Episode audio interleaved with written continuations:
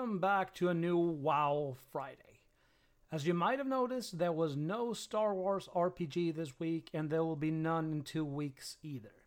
Instead, we will give you a one shot adventure of Sagospelet Äventyr with Daniel Lehto, the voice behind Lehtos Funderingar. The Star Wars RPG will return in September. Last time we talked about Sargeras and how he started his burning crusade how the Pantheon confronted Sargeras, and about Argus, home planet of the Eredar. Alright, we are leaving to Azeroth.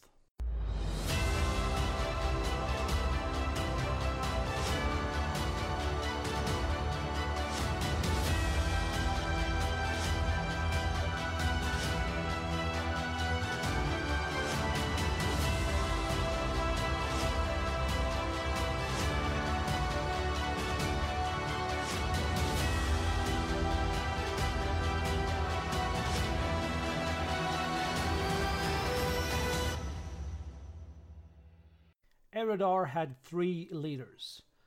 Archimonde could find the inner strength of anyone he met. He inspired his people and gave them courage and confidence to meet any challenge. Kil'jaeden was often found staring out into the cosmos, thinking about its mysteries. Velen was the spiritual heart of the Eredar. He stood a ever-glowing beacon of peace, and his wisdom could solve all conflict. Each on their own, they were all excellent leaders. Together, their strengths working as one, they had helped their people reach goals they could only have dreamed of. Eredar's unity was the answer to the Burning Legion's weakness.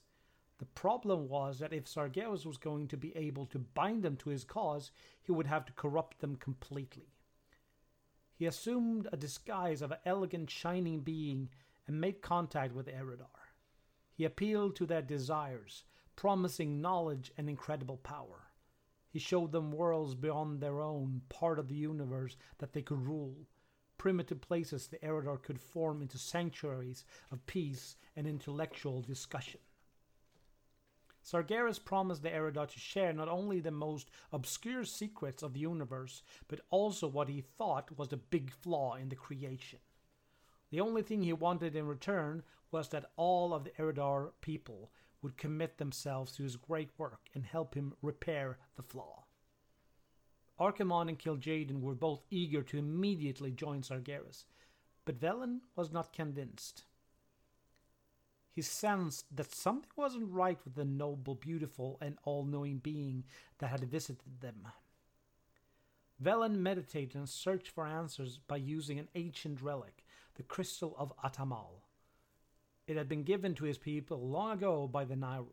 Via the relic, he was given a horrible vision of what would happen to his people if they joined Sargeras. They would be twisted into terrifying demons filled with evil. Velen warned his brothers of what he had seen, but they didn't accept his insights and made it clear that they would join Sargeras. Fearing for his own life, Velen pretended he would accept as well.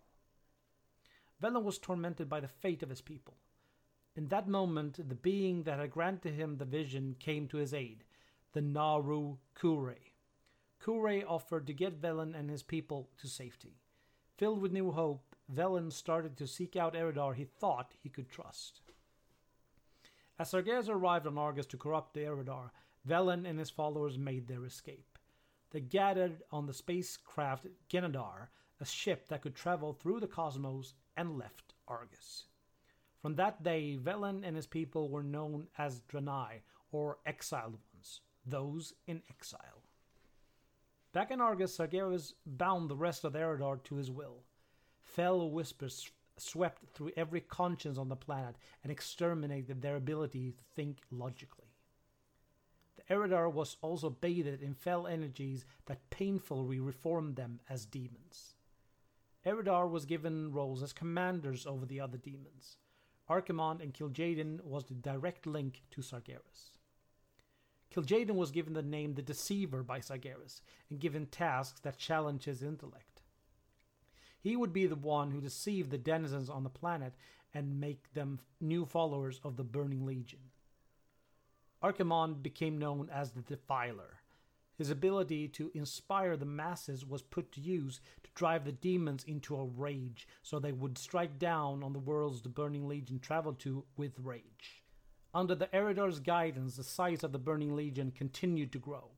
New demonic beings, called from the twisting nether and the planets that had been corrupted, joined as time went by. Archimonde poured power into the pit lords and made them living killing machines. They spread terror to all they met. Mo'arg became the smiths of the Burning Legion. They created weapons and armor for the war against the universe. Kil'jaeden brought the succubi to the Legion ranks, and they worked as spies. Doomguard was the shock troops of the Burning Legion, always at the front lines of an invasion. Shivarra acted as mystics and advisors. They showed an almost fanatical loyalty towards Sargeras. These and many more poured into the Legion's ranks. Satisfied with his army, Sargeras sent them forward into the universe and his burning crusade resumed. During the centuries that followed, countless worlds would be annihilated by the Burning Legion. During all this, the Pantheon was struggling to survive. Sargeras had destroyed their physical forms, but Norgannon's magic had kept their spirits alive. They were zipping through the cosmos towards Azeroth and the Keepers. When they reached Azeroth, they threw themselves straight into the Keepers, who the Pantheon had created with their own hands. Great confusion spread among the Keepers. Suddenly, memories of worlds they have never seen and lives they hadn't lived appeared in their minds. As soon as it, as, as it appeared, it was gone. The Keepers became in even more troubled. They called to the creators for help and explanation, but were met by silence. Lack of communication troubled the keepers deeply, and they fell into a lengthy time of great confusion. Old god Yogg-Saron that were imprisoned under Ulduar felt what had happened. During the time that had gone by since the keepers had formed Azeroth, a plan had taken shape in Yogg-Saron's mind, a plan how it could escape. By weakening the keepers, Yogg-Saron would be able to corrupt the Forge of Wills with a curse called the Curse of Flesh all newly created Titan Titanforge would fall victim to its curse, and some of them would even spread it to the older generation. Slowly, they would be transformed to mortal creatures of flesh and blood, creatures Yogg-Saron knew well how to kill. To get his plan into motion, Yogg-Saron set his eyes on Keeper Loken. Loken was the one of the keepers that had grown most worried by the Pantheon's silence. Yogg-Saron attacked the Keeper with nightmares that fueled the doubt in the Keeper's heart. Loken turned out to not be as easy to control as Yogg-Saron had thought. Even in his weakened state, Loken resisted the whispers in his head. He turned to Sif, a Vrykul, his brother Thorim's wife. They often met alone, and a forbidden love had blossomed between them. Yogg-Saron latched onto Loken's love and twisted it into a dangerous obsession. Thanks to Loken's increasingly ira- irrational behavior, the love turned sour. He often talked about openly confessing their love, something Sif was against. She knew the Keeper's unity would be shattered if Thorim found out about their affair. Sif finally broke all bonds with Loken and demanded that he would leave her alone. The thought of losing Sif finally sent Loken over the rim and he went insane. In a fit of rage and jealousy, he struck out against his beloved and killed her. Even though he was almost torn to pieces by guilt, he still couldn't bring himself to tell Thorim what had happened. He desperately tried to find a way to hide the body. It was then Sif's spirit appeared to him. To his surprise, she forgave him. She warned him to act fast so that Thorim wouldn't find out what had happened. If he did, there would be civil war between the keepers. Loken felt something was off. It was not like Sif to su- suggest such a thing, but his fear twisted his mind and he pushed his doubts aside. At Sif's suggestion, he dragged her body to the storm peaks. He told Thorim about Sif's death, but blamed it all on Arngrim, king of the ice giants. Blinded by sorrow, Thorim unleashed all his power and killed Arngrim and many of his people. A war erupted between the ice giants of Arngrim and the storm giants of Thorim.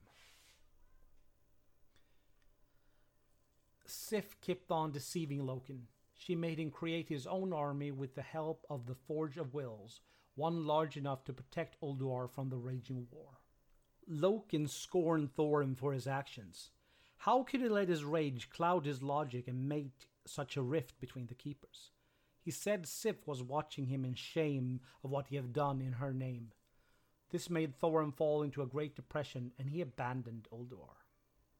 Loken used his newly created army to overpower the giants and end the conflict. All who went against his will was placed in stasis chambers. There was one problem. As the fighting raged on, Loken started noticing a change in his warriors. A transformation had started in them. Loken asked Sif for advice, but this time she didn't come to his aid. Cold hands gripped his heart, and he realized her spirit had never been there. It was an illusion created by Yogg-Saron. Without Loken knowing it, the false god had tainted the Forge of Wills while he was creating his army. Yogg-Saron's curse of flesh had taken root in the heart of the machine's creation matrix. Loken had been utterly played by Yogg-Saron. The discovery destroyed the last of Loken's noble heart. He became possessed by keeping his deeds a secret, even if it meant he would have to help Yogg-Saron. With such power at his disposal, he knew he could defeat the other keepers and destroy all evidence of what he had done. And this is where we leave Azeroth this time. Next time, we will hear about the sealing of Halls of Valor. Until then, for Azeroth.